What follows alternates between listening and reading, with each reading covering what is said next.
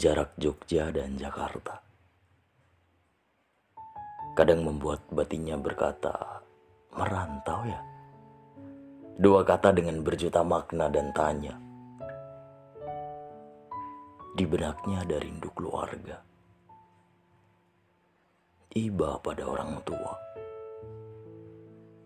Adik yang sendiri di kamarnya, bahkan kursi tua pemberian ayahnya Akal sehatnya pun ikut diskusi. Nanti pulang sebulan sekali. Kamu akan terbiasa dengan ini. Akan banyak hal baru saat kau sedang sendiri.